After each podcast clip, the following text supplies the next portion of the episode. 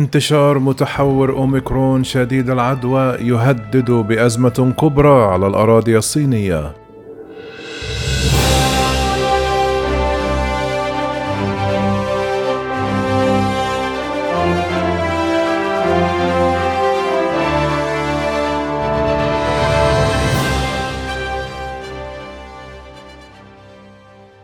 واصلت الصين إجراءات الإغلاق في شنغهاي عدد من المدن مما أدى إلى تفكك خطوط الإمداد وصعوبة الحركة إلى تأمين السلع الأساسية وسط أكبر انتشار لفيروس كورونا المستجد في البلاد.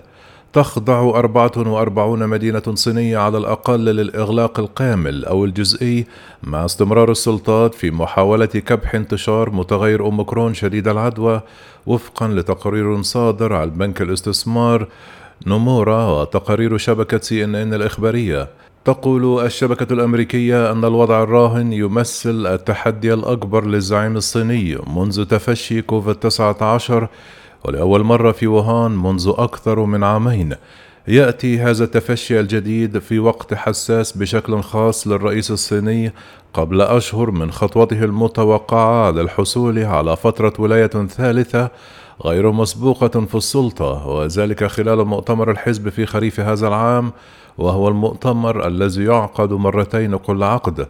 في شنغهاي مركز تفشي المرض الأخير في البلاد أصبحت المشاهد التي لم يكن من الممكن تصورها فيما مضى للعاصمة المالية. فائقة الحداثة جزءا من النضال اليومي للسكان البالغ عددهم 25 مليون نسمة. ويمنع السكان من مغادرة حدود شققهم أو مجتمعاتهم السكنية لأسابيع. وكانوا بحاجة ماسة للطعام والحرية حيث شوهد البعض في مقاطع على وسائل التواصل الاجتماعي وهم يصرخون من نوافذهم في حالة من الإحباط حتى بعد إصدار الخطة المبدئية يوم الاثنين للتخفيف الجزئي للإجراءات. ولا يبدو أن هناك نهاية تلوح في الأفق. وأصبح الحصول على الإمدادات في جميع أنحاء البلاد تحديا شديدا مع إغلاق بعض الطرق السريعة ووقوع سائق الشاحنات في الحجر الصحي أو عند الآلاف من نقاط التفتيش على الطرق السريعة. قيدت مغادرة بعض المدن سكانها مثل غوانزو التي تطلب من سكانها البالغ عددهم 18 مليون نسمة إظهار اختبار كوفيد سلبي إذا كانوا يريدون الخروج.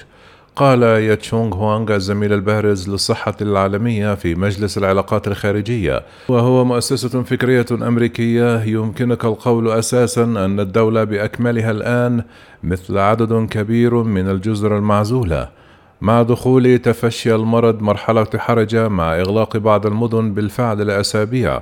حذر مسؤول صحي وطني رفيع الثلاثاء من أن انتشار المرض في شنغهاي لم يتم احتوائه بشكل فعال وسيتعين على الحزب الشيوعي الحاكم في الصين وزعيمه التعامل مع التداعيات الاقتصادية الناجمة عن الإغلاقات إضافة إلى الغضب الذي قد ينتشر ضد الحكومة. قال الأستاذ المساعد بكلية لي كوان يو للسياسة العامة في جامعة سنغافورة الوطنية الفريدو وو التباطؤ الاقتصادي مصدر قلق كبير وأضاف تستخدم الحكومة المركزية دائما ما يسمى بالأداء الاقتصادي لتعزيز شرعيتها. فكيف سيفسرون الأداء الاقتصادي البطيء؟ لا أعرف ولكن الأمر الوحيد المؤكد هو أن الناس ستعاني. كما انتشرت التعليقات المحبطة والساخرة من حالات الإغلاق الواسعة عبر وسائل التواصل الاجتماعي الصينية قبل أن يخضعوا للرقابة؟